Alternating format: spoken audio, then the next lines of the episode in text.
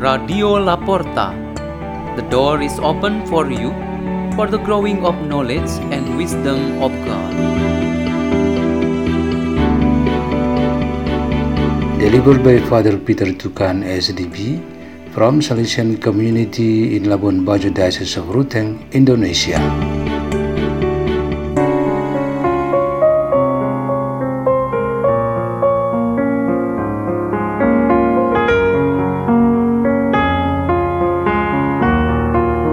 Reading and meditation on the Word of God on Friday of the 17th week in Ordinary Time, July 29, 2022, Memorial of Saint Martha, Mary, and Lazarus.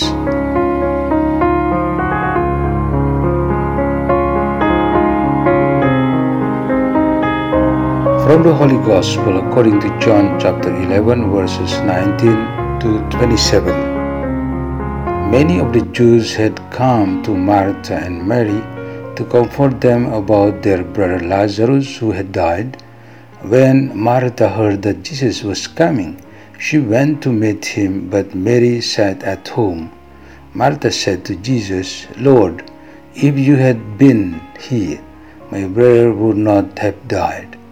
But even now I know that whatever you ask of God, God will give you. Jesus said to her, Your brother will rise. Martha said to him, I know he will rise in the resurrection on the last day. Jesus told her, I am the resurrection and the life. Whoever believes in me, even if he dies, will live. And anyone who lives and believes in me will never die. Do you believe this? She said to him, Yes, Lord, I have come to believe that you are the Christ, the Son of God, the one who is coming into the world. The Gospel of the Lord.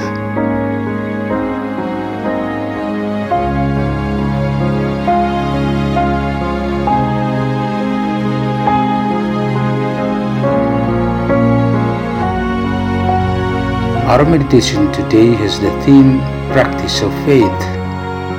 A person is said to have good faith if he fulfills these three elements knowledge, celebration, and practice or life of faith. Knowledge contains doctrines, teachings, or dogmas. Celebration is done through worship, sacraments, prayers, and devotions. The practice of faith is manifested in the testimony, dedication, and manifestation of that faith in a real life. Especially regarding the practice of faith, we must base ourselves on the teachings of the scriptures and the various documents of the church and the sacred traditions of the church. One of the scripture passages that we always use is this faith without works is dead. Faith that is not put into practice is a lie. Faith that is only spoken and celebrated, then without being manifested in life, is half faith. What is true faith like? The scriptures, sacred tradition, and teachings of the church teach us that followers of Christ who live or witness their faith must go through acts of love. Every act of love derives its light and strength from the foundation of one's faith in God. When one has faith in Jesus Christ, he lives his life according to the deeds and life of Jesus Christ. So, a person's faith is seen clearly and becomes a living testimony in the midst of many people through his good and true deeds. This was once the basis for two teenagers who protested strongly against their father. This father always prayed diligently and attended the Sunday Eucharist celebration, but his behavior towards his wife and children was very painful. He likes to be rude in word and deed towards them. He also spends a lot of money to have fun outside the home. The two youths together rebuked their father in this manner. There is no point in praying and attending the Sunday's Eucharist because father's behavior and attitude of life are completely opposite. We are very much against the father's way of life. They very clearly did not see a harmonious relationship between faith and works of love in their Father. Saints Martha, Mary, and Lazarus were close friends of the Lord Jesus. Jesus taught them about truth and goodness.